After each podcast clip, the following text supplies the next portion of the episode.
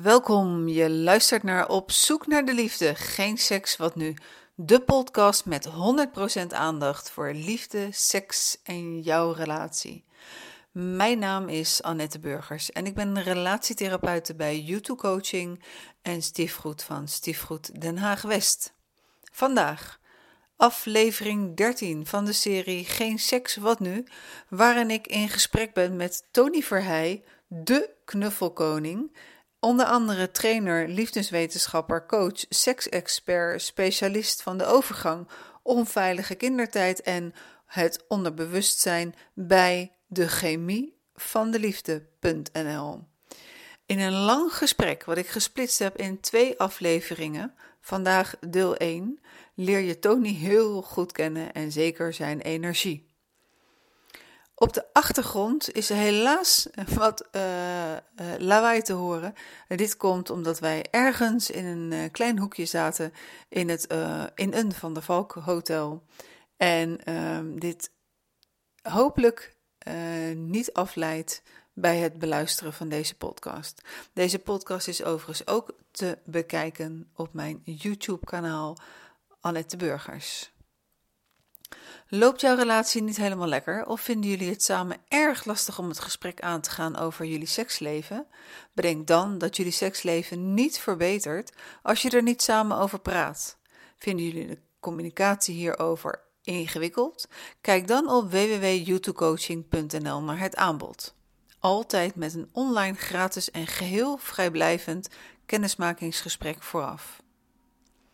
Ben jij ook geïnteresseerd in relaties, intimiteit en seksualiteit? Abonneer je dan op Vlam Magazine. Elk kwartaal komt er een nieuw nummer, boordevol met informatie, geschreven door inspirerende professionals. Wil jij een van de allerlaatste spellen ontvangen? Ultiem verlangen ligt hier op je te wachten van Tease and Please. Als jou jouw partner hiermee wil verrassen, stuur dan jouw motivatie naar info.youtubecoaching.nl. En wie weet ontvang jij een van de laatste, de drie laatste gratis spellen. Gegarandeerd een mooie avond voor samen veel lol. Hou me vast is een tweedaagse training die ik samen met Jordi Vos in Den Haag geef. In twee dagen krijg je de nodige handvatten om samen de basis te leggen voor veel betere communicatie. Willen jullie ook over elk onderwerp samen goed kunnen, kunnen communiceren? Ga dan naar www.youtubecoaching.nl slash trainingen. En voor nu heel veel plezier met Tony Verheij, deel 1. Dit is op zoek naar de liefde, geen seks, wat nu. En ik zit hier in een hotel samen met Tony Verheij. Tony, je bent liefdeswetenschapper, infotrainer, spreker, auteur, trainer, coach. Allemaal van de chemie van de liefde. Ja. Van harte welkom. Ja, leuk om hier te zijn. Toen ik binnenkwam hier, een hotel van, uh, van de Valk toevallig. Maar toen had ik wel zo'n uh, herbeleving van... Uh, overdag een hotel binnenstappen. Ik heb dat wel eens gedaan, zo'n dagkamer in een hotel. Jij? nou, ik heb vroeger in een hotel gewerkt, dus het was voor mij een stukje makkelijker om een, uh, om een, uh, om een kamer te regelen. um, maar je bedoelt uh, om te vrijen, bedoel je? Ja. Ja, ja, tuurlijk. Maar niet alleen. of, ja, in op vakanties komt dat, komt dat wat vaker voor, omdat je dan ook de tijd en de gelegenheid hebt. Maar een belangrijke reden om een hotel binnen te stappen uh, is omdat je het namelijk niet gaat doen met je eigen partner. Mm -hmm. Dus misschien heb, jij, misschien heb jij wat meer te vertellen dan ik op dat vlak. we kunnen ook een, eh, een ander uh, interview. Nee, maar ik heb het inderdaad ooit eens een keertje gedaan. En uh, ik weet nog, ik eerst, ik ben nu 56.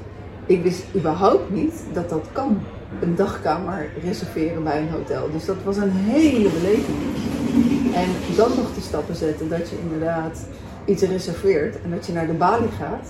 En dat je zegt van nou, ik heb een reservering op mijn naam staan. En dat je denkt van, oh, wat denken ze dan niet achter die balie? Maar zat jij dus ooit achter die balie dat je dingen dacht van, oh, daar hebben we er weer een? Nee, ik, zat, uh, ik werkte in het restaurant van het, uh, van het hotel en ik, uh, ik had de verantwoordelijkheid over de bar achter. Dus ik heb, een, ik heb lange tijd heb ik in de horeca gewerkt. En ehm, toen Nederland Europees kampioen werd, toen werkte ik in België. En ik heb daar helemaal niks, niks van meegekregen, dus dat was echt heel erg. Dus achteraf zag ik, zag ik allemaal prachtige beelden van, van hoe mensen het beleefden. En zaten ze te wachten tot het, tot het verkeerslicht van groen weer op oranje sprong. En dan, yeah. Ja, dat heb ik dus helaas niet meegekregen, omdat ik toen in, in België woonde. Maar, uh, dus, maar ik, kan, ik kan het mij wel voorstellen, omdat er namelijk, er zijn ook, er zijn ook hotels die je dus gewoon kunt reserveren voor drie uur. Dat heb ik dus wel eens gedaan. En um, dus ja, inderdaad om de reden dus wat ik... Ik heb veel meegemaakt in mijn leven. Dus ik, ik waarschuw ook mensen voor de dingen die ik zelf heb gedaan. Dus dat is, dat is het grote voordeel van ervaringsdeskundige zijn. Uh, tegelijkertijd is het... ik kan me heel goed voorstellen dat jij je druk maakt om wat andere mensen denken. Maar kun jij je ook de vrijheid voorstellen als je je daar namelijk niet druk over maakt? Ja, absoluut. En het heeft natuurlijk alles te maken met uiteindelijk de, uh, de heilige ruimte, zo noem ik het dan, de exclusiviteit die je afspreekt met je partner. Ja. Maar het, punt is, het gaat nog niet eens zozeer om, om, vreemd gaan, maar gewoon in, het dagelijks leven. Wat voor effect het op je heeft als jij niet zo druk maakt over wat andere mensen van je vinden. Dus wat voor ballast je eigenlijk meesleept, omdat je de hele tijd druk maakt om wat andere mensen van jou vinden. En dat is, dat dus zeg maar de reden waarom ik dus de kant op ga die ik, uh, die, die, die ik vandaag de dag, uh, dus zeg maar de dingen die ik vandaag de dag doe. Daar gaan we het zo over hebben. We maken korte bruggetjes. Uh, deze podcast heet Op zoek naar de liefde. Heb jij de liefde gevonden in je leven, Tony? Ehm, nou, het is, ik, kan het, ik kan het op verschillende manieren kan ik de vraag interpreteren. nummer 1, ehm, ik zeg altijd, je hoeft liefde hoef je niet te verdienen, dat ben je al. Dus als jij de ware liefde wilt vinden, dan kijk je in de spiegel. Dat is één. Tegelijkertijd heb ik natuurlijk uh, op het gebied van relaties heb ik het nodig meegemaakt. En mijn relaties die zijn, uh, die zijn ook in, in, in, in uh, intensiteit. Kijk, als je, als, je, als je doet wat je deed, zul je krijgen wat je kreeg. En tegelijkertijd is het zo dus dat een, een, een op mijn, op mijn telefoon staat een, staat een, een, een staat een bericht. En het is vrij vertaald, is het, het universum uh, geeft jou lessen in, eh, in cyclussen tot, tot je de les hebt geleerd. En daar geloof ik dus heilig in. En het grappige is dus dat van alle relaties die ik heb gehad, er is niet eentje die ook maar enigszins vergelijkbaar was met, met een eerdere relatie. Dus ik heb liefde gevonden op heel veel verschillende vlakken.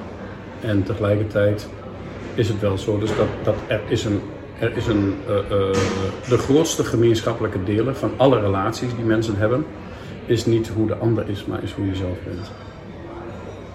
Heb je op dit moment een liefdesrelatie met iemand? Jazeker. En um, dat, is, dat is heel uh, grappig hoe dat aan het, aan het, aan het, aan het licht kwam. Maar um,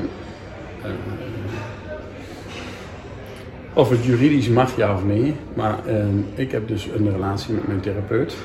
En ik, had, ik, kwam, ik kwam op een punt in mijn leven dat ik dacht, dit kan ik niet alleen. En toen heb ik de hulp ingeroepen. En vervolgens heb ik allerlei dingen gedaan. Ik heb onder andere access bars gedaan. Ik heb regressietherapie heb ik gedaan.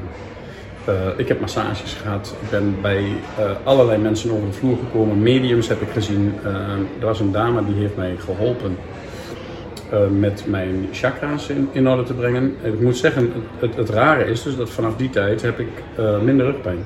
Dus een, een, een, groot deel van mij, ik ben vergroeid. Uh, ik heb vroeger een rolstoel gehad.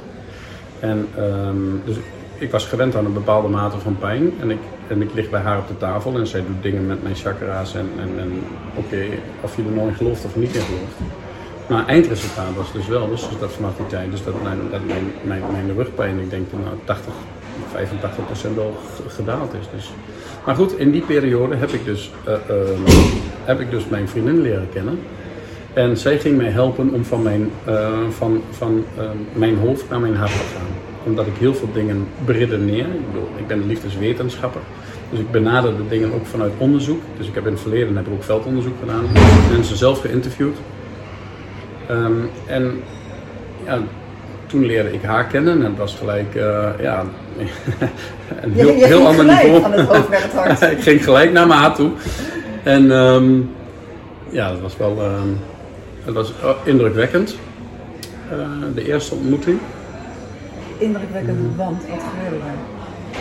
Ja, zijn, uh, ik ben inmiddels gewend, kijk, ik onderzoek liefde op biologisch niveau, op chemisch niveau, uh, op mentaal niveau, maar ook energetisch. En ik weet dus dat er heel veel is wat je dus gewoon niet verklaren kunt.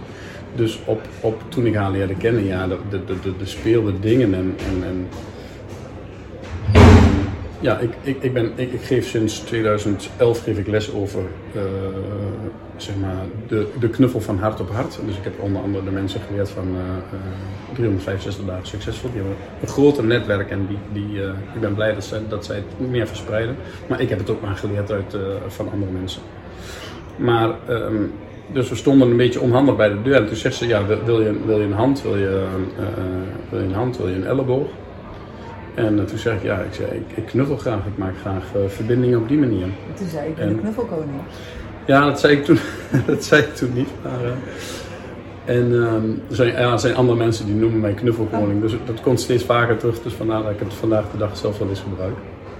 Maar um, ja, toen gaven wij een knuffel, maar dat was echt zo'n zo'n verbinding, echt meteen van hart op hart.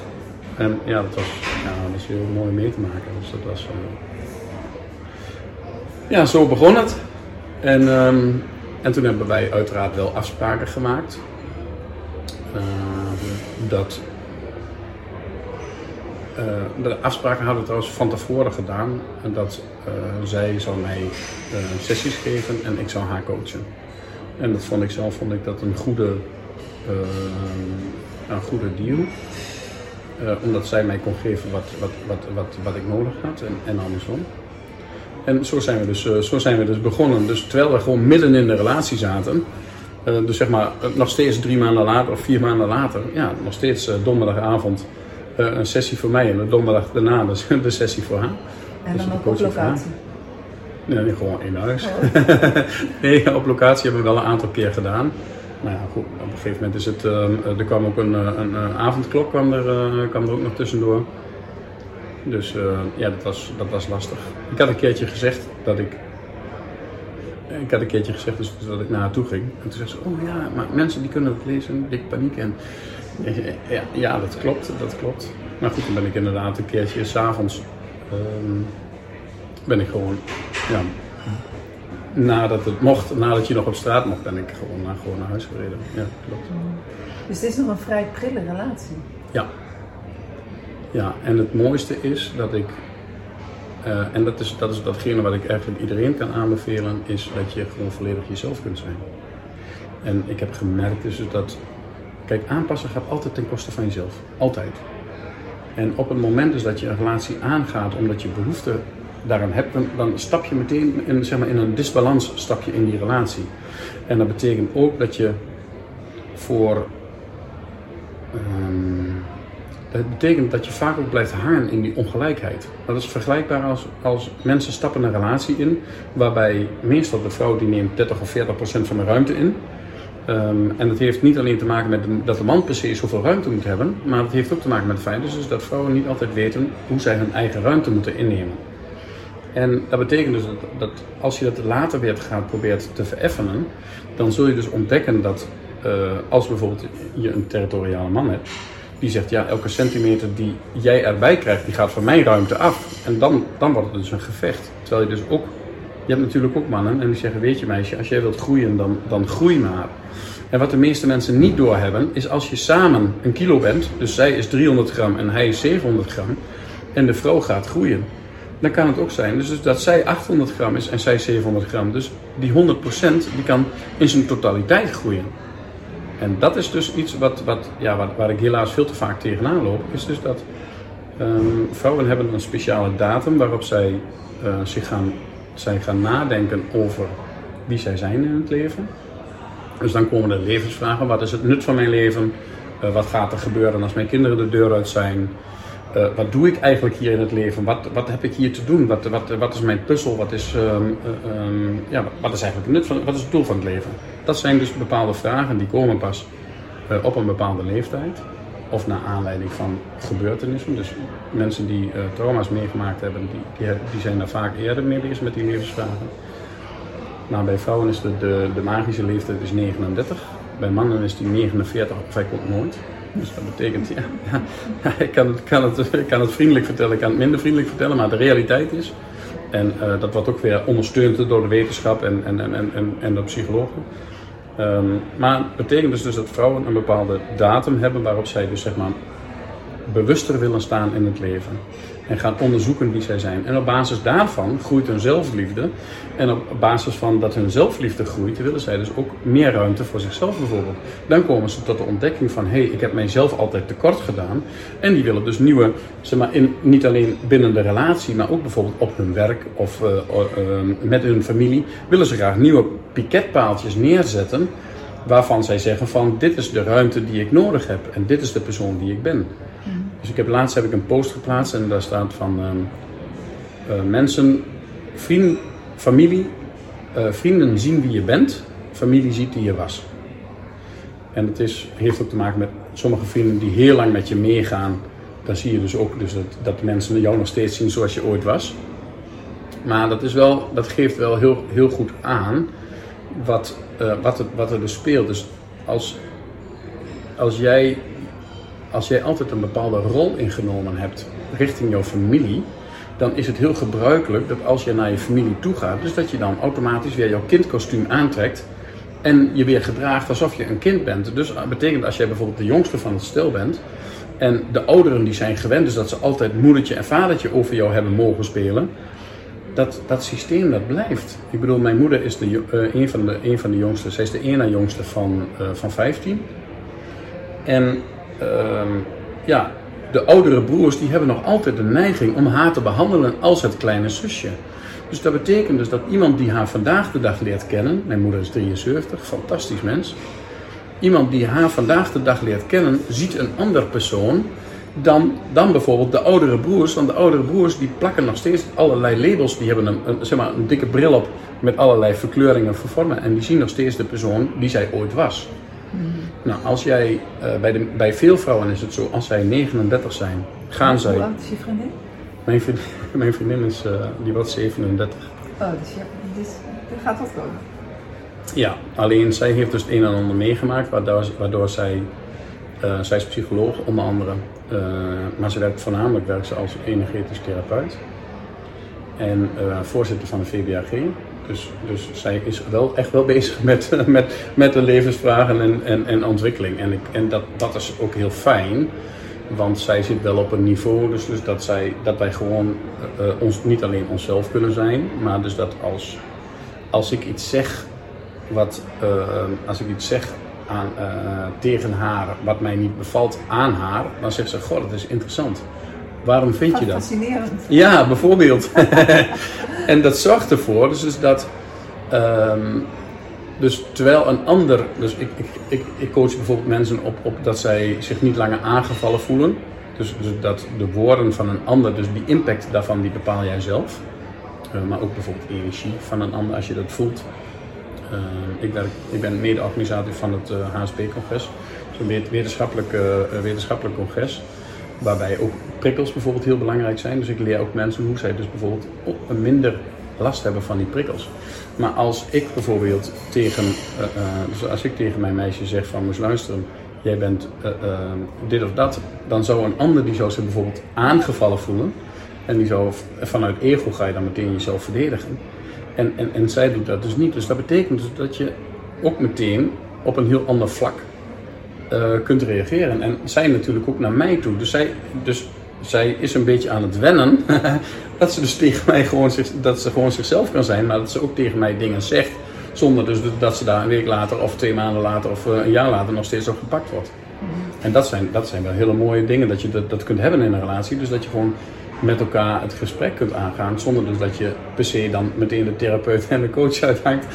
Ja, dan, dan krijg je die ook wel van, hé, hey, je zit nu niet in je, in je coachhuis.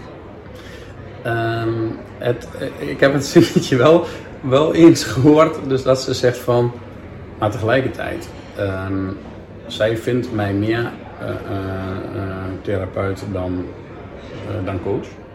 heeft ook te maken met als ik, eh, als ik mensen in een traject heb, dan is datgene wat ik eerst mee bezig ben, is meer met mentoring. En daarna komt pas het, het, het coachen. Maar ik, ja goed, ik doe natuurlijk ook relatietherapie. En ik, ik, maar zij zegt nee, je bent gewoon echt vanaf, vanaf, vanaf jouw kind af aan ben je gewoon therapeut. En uh, zo'n prille relatie zit het vast nog goed met de seks? Jazeker. Even teruggaan naar het onderwerp. Ja. Uh, en wat, wat, wat versta jij onder als het goed zit met de seks? Want de seks is of goed is een relatief begrip. Ik kan iets goed vinden wat jij totaal niet goed vindt. Ja, maar ik, uh, daar geef ik dus heel toevallig heb ik de afgelopen zondag heb ik daar een, ehm, een uh, Facebook live over gegeven. Ehm, en waar ik, waar ik tegenaan liep, was dus dat heel veel mensen seks nog altijd uh, een taboe vinden. Dus, dat is precies de reden van deze podcast. Okay. Geen seks wat nu, want het moet opengebroken worden. Ja, nou, daar ben ik absoluut uh, ben ik dat met je eens. Um, ik, ik ben zelf ben ik heel vrij daarin, maar dat ben ik niet altijd geweest. Dus uh, in mijn eerste relatie denk ik dat het wel een jaar of zes, zeven heeft geduurd voordat ze mij ooit een keertje naakt zag. Uh, samen, samen, douchen, samen douchen, homa. Uh, um, ja, als er gevreden werd, dan ging daarna meteen weer de onderbroek aan. Zodat ik maar niet gezien werd. Um, ja, dus, dus wat dat betreft, het was altijd in het donker, het was altijd verborgen. Um, en, en het was ook niet zo dus dat, je, dat je dan, dat, dat er dan over gepraat werd bijvoorbeeld. En dat is, ja, tegenwoordig praat ik er heel open en eerlijk over. Um, ik heb wel een boost gezorgd voor uh, bepaalde uh, sextoys. Dus ik, ik, ja goed, ik, als, als vrouwen bij mij komen en zeggen ik, heb, ik loop tegen dit probleem en ik loop tegen dat probleem aan. Um, ik ben, inmiddels ben ik een specialist op het gebied van de overgang. Dus als je dus bijvoorbeeld uh, droger wordt dankzij de overgang, dan zijn, daar, dan zijn er dus ook weer mogelijk, mogelijkheden voor. En het hoeft niet altijd per se via medicijnen van, die gemaakt zijn van, van, van, van zwangere merries. Maar um, ja, dat kan ook op een, dat kan ook op een natuurlijke manier. Dus dat, ja, op een gegeven moment ben je zo lang bezig en loop je tegen bepaalde dingen aan. Ja, dan ga je dat ook onderzoeken, dan ga je dat onderzoeken, ga je dat onderzoeken. Maar maar even terug naar de vraag van wat is voor jou een goed seksleven? Een goed seksleven is um, ja, dat, je de, zeg maar, dat je op een biologische manier, dus dat je, uh, dat je dus lol beleeft met elkaar. Uh, wat ik veel belangrijker vind, is dus dat je liefde bedrijft in de relatie. Want er zijn mensen en die hebben een fantastisch seksleven, maar die hebben een klote liefdesleven. En wat maakt voor jou het verschil? Het verschil is de intentie. Dus je kunt namelijk, je kunt namelijk vanuit de biologie kun je, je lusten kun je bad vieren. Um, waardoor er dus ook wel, kijk, als je, uh, um, als je met elkaar vrijt en je doet het met z'n tweeën, dan is de bedoeling dus dat je een orgasme krijgt. Tenminste, dat is voor heel veel mensen is dat het doel van. Um, hoeft niet natuurlijk. Nee, nee, nee, nee. Dat, daarvoor is uh, tantra en, en, en, dat, en dat soort dingen. Maar ik heb natuurlijk ook te maken met uh, uh, mannen die impotent zijn. Ik heb ook te maken met vrouwen die seksueel misbruikt zijn en daardoor bijvoorbeeld uh, of vaginisme hebben. Voor wie dat dus moeilijker is. En dat betekent dus, dus dat het lichaam gaat, gaat jou beschermen en gaat ervoor zorgen dus dat je niet kunt vrijen. Of je kunt alleen maar vrijen met heel veel pijn bijvoorbeeld. Dus wat er gebeurt, um, dus jouw vraag kan op heel veel manieren kan die beantwoord worden. Voor mij vind ik het belangrijk dat als je in een relatie zit en je houdt van elkaar, dat je met, als eerste dat je van elkaar houdt omdat je, dat je met elkaar vrijt omdat je met elkaar, van elkaar houdt. En ja, je kunt ook met elkaar vrijen omdat, uh, omdat het lekker is. Maar op het moment dus dat je alleen nog maar gaat vrijen met elkaar omdat het lekker is, dan gaat het biologische is dan belangrijker dan de verbinding die je aanmaakt. En wat er dan gebeurt, is dan gaat jouw lichaam gaat minder oxytocine aanmaken bijvoorbeeld. Dus de band die je dan hebt met elkaar, oxytocine is, een, is, is geen knuffelhormoon, maar is een bindingshormoon. Uh, mannen maken vasopressine aan, dat is een loyaliteits, uh, dat is een loyaliteitshormoon. Dus, dus er, zit, er zit zowel in mannen als in vrouwen zit er eenzelfde mechanisme waardoor je dus gaat binden aan elkaar. Dus de man blijft loyaal aan de vrouw en, en, en, de vrouw bindt zich aan de man. En wat je dus krijgt uh, is een. Uh, wat je dus krijgt is als je gaat vrijen met elkaar vanuit de biologie, neemt de oxytocine neemt af, maar neemt ook de vasopressine neemt af. Dus dat betekent dus dat je kunt wel een hele goede seksuele relatie hebben, Maar dat betekent ook dus, dus dat jij minder gebonden bent aan de ander, waardoor bijvoorbeeld vreemdgaan ook weer een, uh, een, een, stukje makkelijker wordt. Maar ook bijvoorbeeld uit elkaar gaan uh, wordt makkelijker, omdat je dus minder verbonden bent met elkaar. Dus, uh, en daarnaast is het zo, als je vrijt uit liefde met elkaar, worden ook weer andere dingen getriggerd in jouw, in jouw systeem. Kan ik er voorbeeld van geven? Oké. Je, hebt, uh, je hebt verschillende vormen van verliefdheid. Dus je hebt uh, zeg maar de lichamelijke verliefdheid, die duurt uh, zeg maar 6 tot 8 weken. In die periode ben je lang genoeg bij elkaar om een, om, om een kindje te maken. Um, en, en, dus in het, en datgene wat het meest gestimuleerd wordt in die periode is met name is de fantasie. Dus wat, hoe zou mijn leven zijn met de ander, et cetera. Of hoe zou het in bed gaan met de ander. Um, daarna nemen die hormonen, daarna nemen met name die lichaamshormonen nemen af. De tweede periode is vijf en half, zes jaar. Dat, dat is uh, een chemische verbondenheid. En daar, in die periode komen dus voornamelijk komen, uh, uh, breinhormonen komen vrij. dus een voorbeeld van een breinhormoon, dat noemde ik net als oxytocine, dat komt, komt alleen in je, in je, in je hoofd voor. En dat zorgt ervoor dus dat, je, dat je verbonden bent met elkaar. Wat er ook gebeurt in die periode, is een combinatie van, uh, van peptiden. Zorgt ervoor dus dat je minder allergisch bent voor de ander. Dus als jij, um, als jij in die periode zit, dat duurt, die periode duurt lang genoeg dus dat je niet alleen een kindje kunt maken, maar die ook kunt opgroeien. Dus dat het kindje op een veilige leeftijd is. Dat of papa of mama kan, kan, kan wegkomen te vallen en die kan dan weer de genenpool weer groter maken door, uh, um, door met een ander weer hetzelfde systeem aan te gaan. Uh, met dit verschil is dus dat je, als daar de stoffen raken uitgewerkt, dan heeft jouw ego heeft geïnvesteerd. Dus jij hebt geïnvesteerd in de relatie. En je hebt heel veel gestort op die liefdesbank. En je wilt het ook wel weer graag weer terug. Ja, dus als jij een jaar of zes met iemand geweest bent, dan heb je aardig wat dingen meegemaakt. En dan wil je toch, ik heb er zoveel tijd en energie in gestoken, nu wil ik daar ook wel graag weer wat voor terug. Nou, de meeste mensen die gaan proberen te halen, halen, halen. En uh, er wordt in die periode ook wat minder gestort op de liefdesbank, waardoor je dus waardoor dus verschillende dingen tegelijkertijd gebeuren. Nummer 1 is dus dat jij, doordat je aan het halen bent, ziet de ander dat je aan het halen bent. Dus gaat zelf ook minder investeren. Jij gaat zelf ook minder investeren. Het andere wat er gebeurt is dat doordat die stoffen raken uitgewerkt, uh, dus bijvoorbeeld oxytocine raakt op wordt op een gegeven moment minder. Dus de natuur geeft jou een signaal waardoor, waardoor de einde van de relatie niet bepaald wordt door jou, maar door de natuur. Dus de biologie bepaalt of jouw relatie gaat eindigen, ja of nee. En dat kun je dus weer tegengaan. Dat is voor drie. Maar uh, die combinatie van peptiden die houdt ook op. Dus dat betekent dus dat zeg maar, het glijmiddel tussen jullie, wat je dus eerst had, dat wordt in één keer wordt dat minder. Dus dat wordt niet, niet bij vrijen wordt, wordt het dan ruw en gaat het pijnlijk doen. Maar het is in het dagelijks leven dus ook.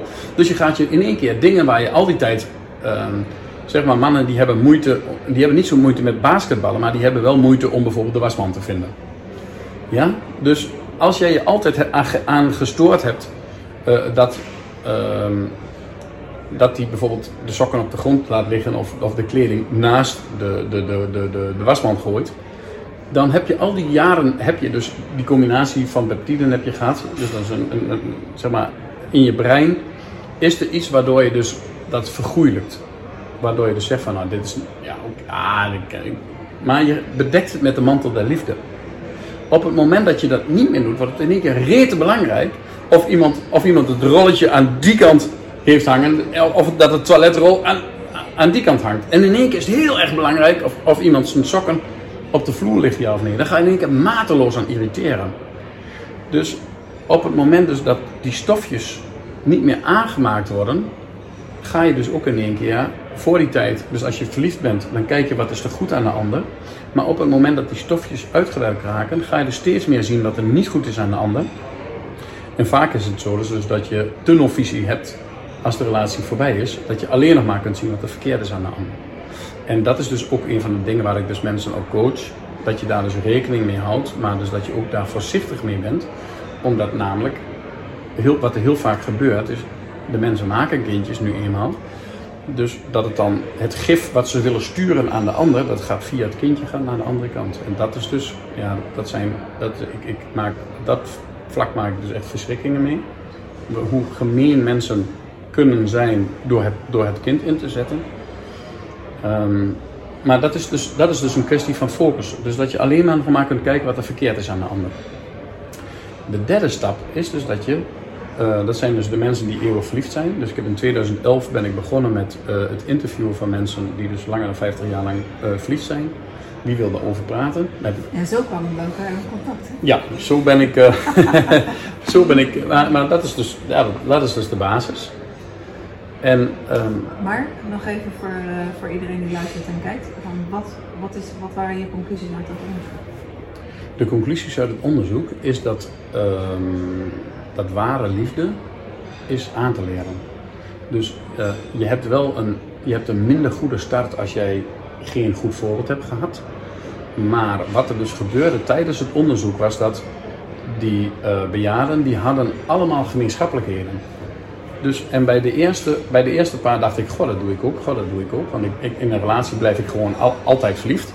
Hoe kan dat? Terwijl om mij heen gingen allemaal mensen gingen uit elkaar. Waarom blijf ik nou verliefd?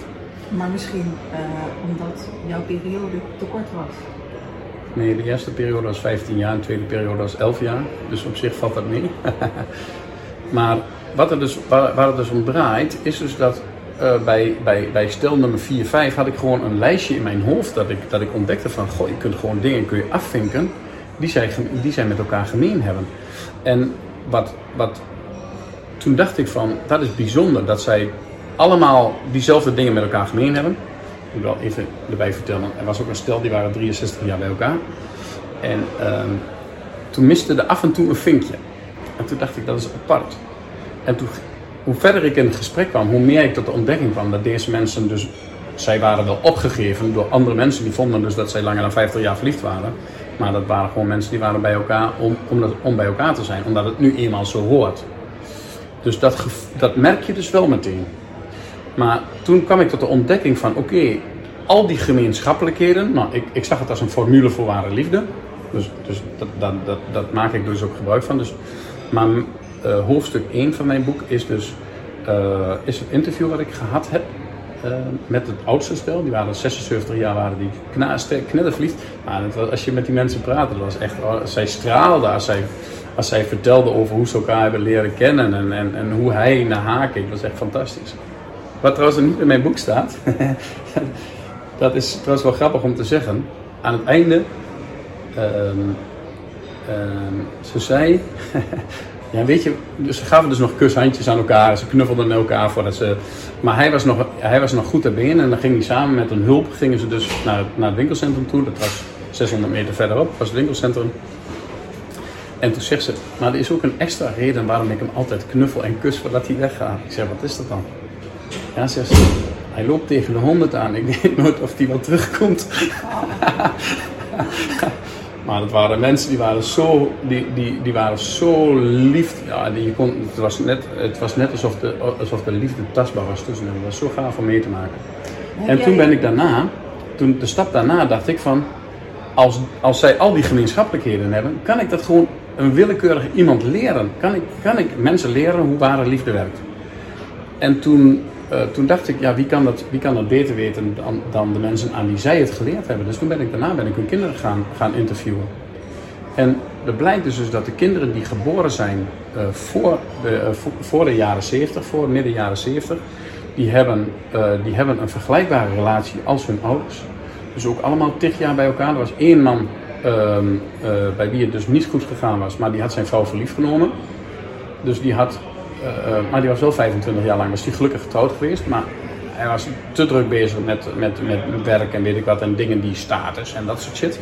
In plaats van dus dat hij aandacht neerlegde bij de relatie. Nou, dat, was, dat was een van de weinigen. En van de kinderen die na de jaren 70, hoe later ze geboren werden, hoe meer. Um, hoe meer ook bleek dus dat, dat, dat het scheidingspercentage wat zij hadden vergelijkbaar was met de rest van Nederland. Dus het heeft echt wel te maken met wat is het voorbeeld wat je geeft. Dus, maar als je die ingrediënten voor de formule voor ware liefde volgt, uh, kan het niet anders dan dat je ware liefde in je leven hebt. En de nummer 1 is, zeg maar de, de, de, de beker waarin alles, eh, de beker waar alles, alle ingrediënten in gemengd worden, dat is dankbaarheid. En dankbaarheid blijkt dus achteraf, blijkt dus ook jouw lichaamshormonen te triggeren en blijkt dus ook jouw uh, breinhormonen te triggeren. Dus wat zij deden is, zeg maar, ware liefde is dan meer een mentaal vlak. Doordat je dus bepaalde gewoonten hebt om ehm, blijf je dus, jouw liefde blijf je dus triggeren, maar doordat je dus dankbaar blijft, ehm, ja, blijf je dus ook hitsig, zeg maar, maar blijf je dus ook, ook de band blijf je dus houden met elkaar. Nou, en waar waren ze dan bijvoorbeeld nog dankbaar voor? Je mag trouwens uh, alle tijd heen.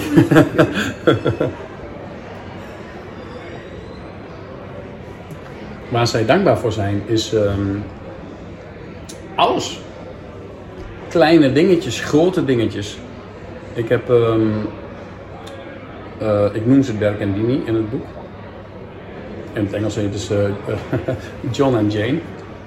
John Doe en Jane Doe. Ik heb het boek eerst geschreven in het Engels en daarna vertaald in het Nederlands. Maar um, wat zij deden, uh, zij hebben tijdens de Tweede Wereldoorlog hebben ze heel erg elkaar. Ze hebben heel erg dingen meegemaakt tijdens de Tweede Wereldoorlog. En um, ik heb er ook heel lang moeite mee gehad om, om het verhaal van hen op te schrijven. Ondanks dat het niet mijn verhaal was. En, uh, maar toch zijn ze nog elke keer dankbaar voor, um, voor dat, ze, dat, ze, dat ze dus bepaalde dingen hebben meegemaakt. En dus dat ze, dat ze ook, het, ook, ook dat doorstaan hebben. Wat raakt ze nu? Ja, hun verhaal. Um, hebben Tijdens de Tweede Wereldoorlog moesten ze een keuze maken welk kind ze moesten laten leven en welk kind ze moesten laten sterven. En uh,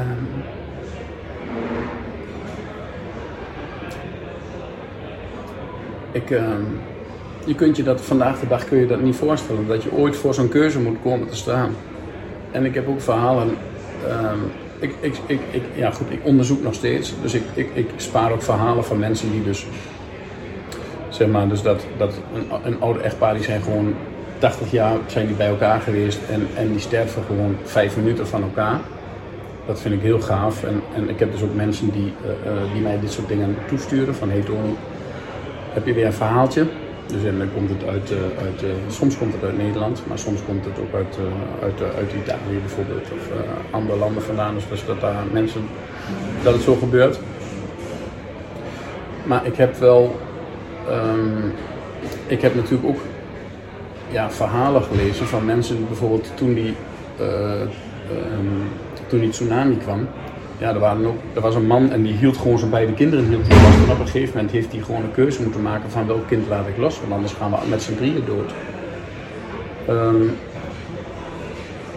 en ik heb natuurlijk ja, je zit bij die mensen en, en, en zij vertellen jou een verhaal, maar vervolgens moest ik, moest ik, het ook nog allemaal gaan schrijven. Dus, en, en ik heb echt uh, wekenlang heb ik dus tegen dat stukje aan zitten, aan zitten hikken om dat, om dat op te schrijven. En dan kun je vandaag de dag kun je dat gewoon niet voorstellen. Dus dat je een keuze moet maken tussen welk kindje laat leven en welk kindje laat sterven. En die keuze hebben zij dus moeten maken. En ja, dat is, ik bedoel, ik ben, ik ben zo vader. Um, dus. Uh, van twee kinderen? Nee, van eentje. En um, ik, ik zeg altijd mijn kleine jochie, maar hij is wel, hij is wel 2 meter en 130 kilo komt hij aanstampen met zijn schoen uit, uh, wat is het, 49. Soms heeft hij schoen uit 50. Als die, als die eraan komen kan. Um, maar dat, ja, maar dat je dat je voor moet stellen. Dus dat je gewoon afscheid moet nemen van, van, een, van, een, van een kind door omstandigheden. En dat je dat. Dat je dat ja. Sowieso, uh, ik heb wel twee kinderen, een zoon en een dochter, dus het, het is inderdaad een, uh, een, een, onmogelijk dilemma als ik het mezelf op zou leggen. maar wat mij dan ook wel triggert is dat de keuze en wat zij hebben meegemaakt, dat, dat geen reden was om uit elkaar te groeien. Geen reden om voor, met verwijten te komen. Nee. Dat ze daar samen doorheen zijn gekomen. Ja. En dat is dan uh, ja, de overstijgende trap van Ja, een van de ingrediënten voor de formule van ware liefde is, uh, is uh, dat, je, dat je als een team opereert. En uh, heel veel mensen zeggen, ja, je moet hetzelfde hobby's hebben. Nou, dat vind ik dus niet. relaties kunnen ook supergoed werken als, jij, als je totaal verschillende interesses hebt. Omdat dan heb je ook tijd voor jezelf. Er waren ook stellen bij die ik geïnterviewd heb en die vonden het leuk om, om gewoon altijd hetzelfde te doen. Um, wat ook prima is.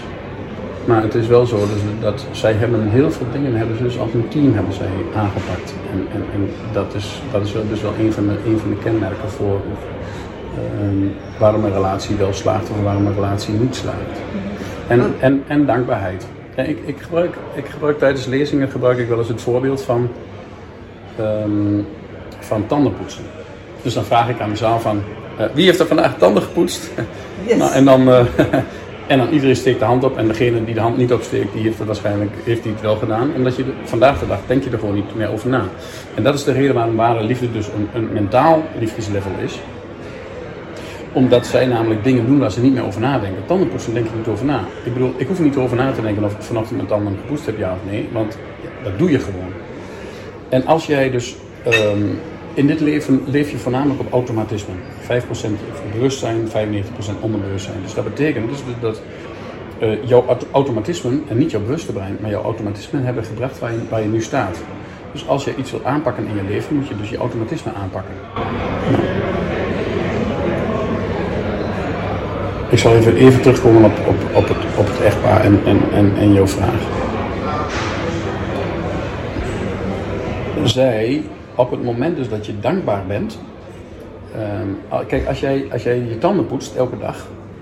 En je poetst een keertje je tanden niet, dan doe je het een keer daarna doe je het even extra goed en dan is het weer, dan is het weer prima. Um, maar wat nou als jij een, een week je tanden niet poetst? Of een maand? of een jaar.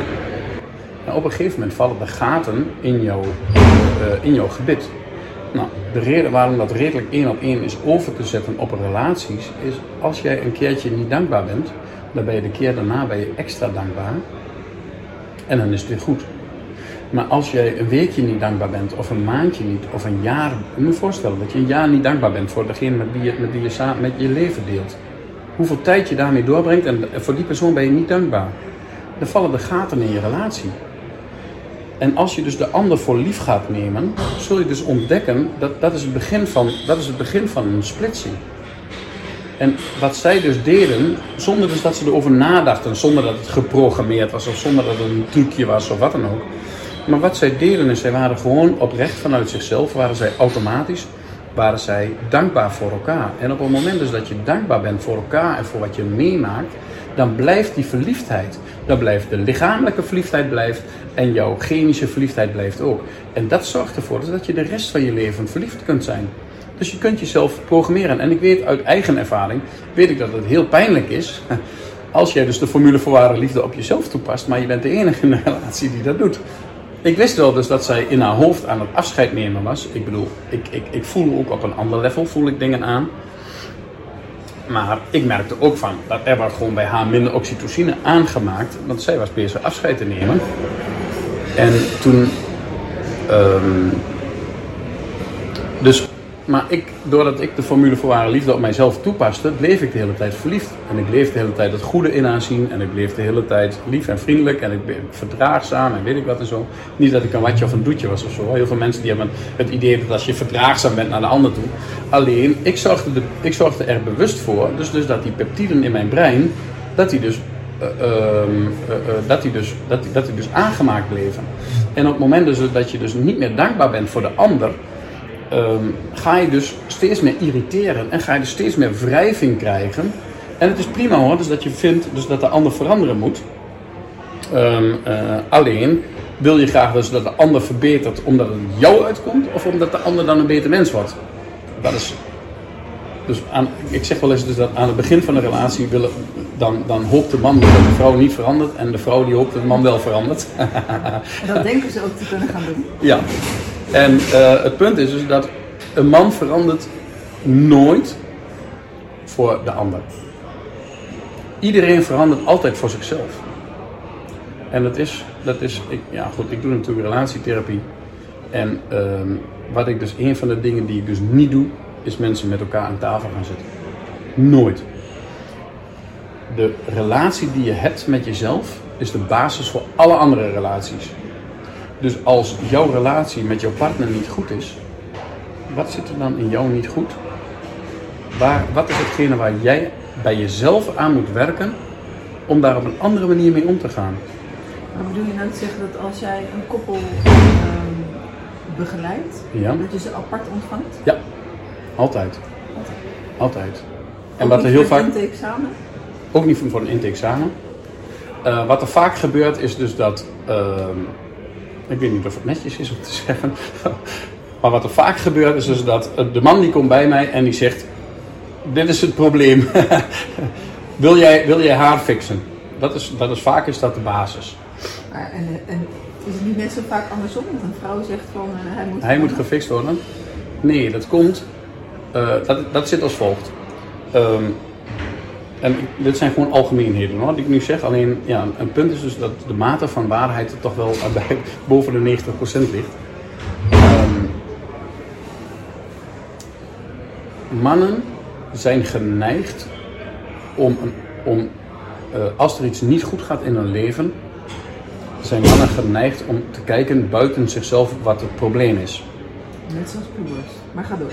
Net zoals dat vrouwen naar zichzelf kijken wat er, wat er niet goed aan hen is. Dus in een man-vrouw relatie is de zondebok al heel snel gevonden. De vrouw kijkt naar zichzelf en de man die kijkt naar haar. Voor, jij bent de oorzaak van het probleem.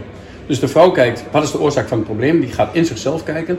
En de man die kijkt, wat is de oorzaak van het probleem? En die gaat buiten zichzelf kijken, naar haar dus. Dus dan heb je twee mensen die zeggen, jij, bent, jij, bent, jij hebt het gedaan. Jij moet veranderen. Dus dat betekent dus dat als er vrouwen zijn die, eh, eh, die, die, die, eh, die tegen bepaalde dingen aanlopen in de relatie, die vrouwen gaan eerst met zichzelf aan de slag. En als ze er dan niet uitkomen, dan pas gaan ze in relatietherapie. Maar dat betekent dus dat vrouwen vaak al een traject hebben gevolgd en, en, en ook vaak bezig zijn geweest met persoonlijke ontwikkelingen en, en, en gekeken hebben van wat zit er in mij niet goed, wat kan ik veranderen, wat kan ik eraan doen, welke invloed heb ik. En dan blijkt dus, dus dat in een relatie, ben je met z'n tweeën, dus je hebt ook de medewerking nodig van de ander.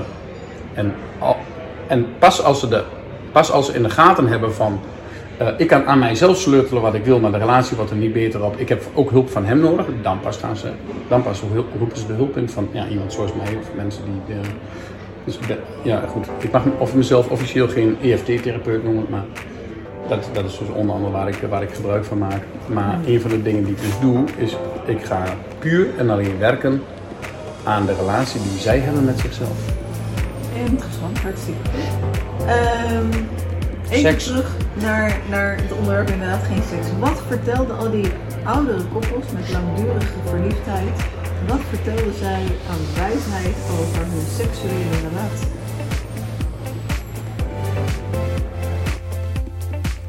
Wil jij ook weten hoe deze podcast verder gaat? Luister dan snel deel 2 met Tony Verheij.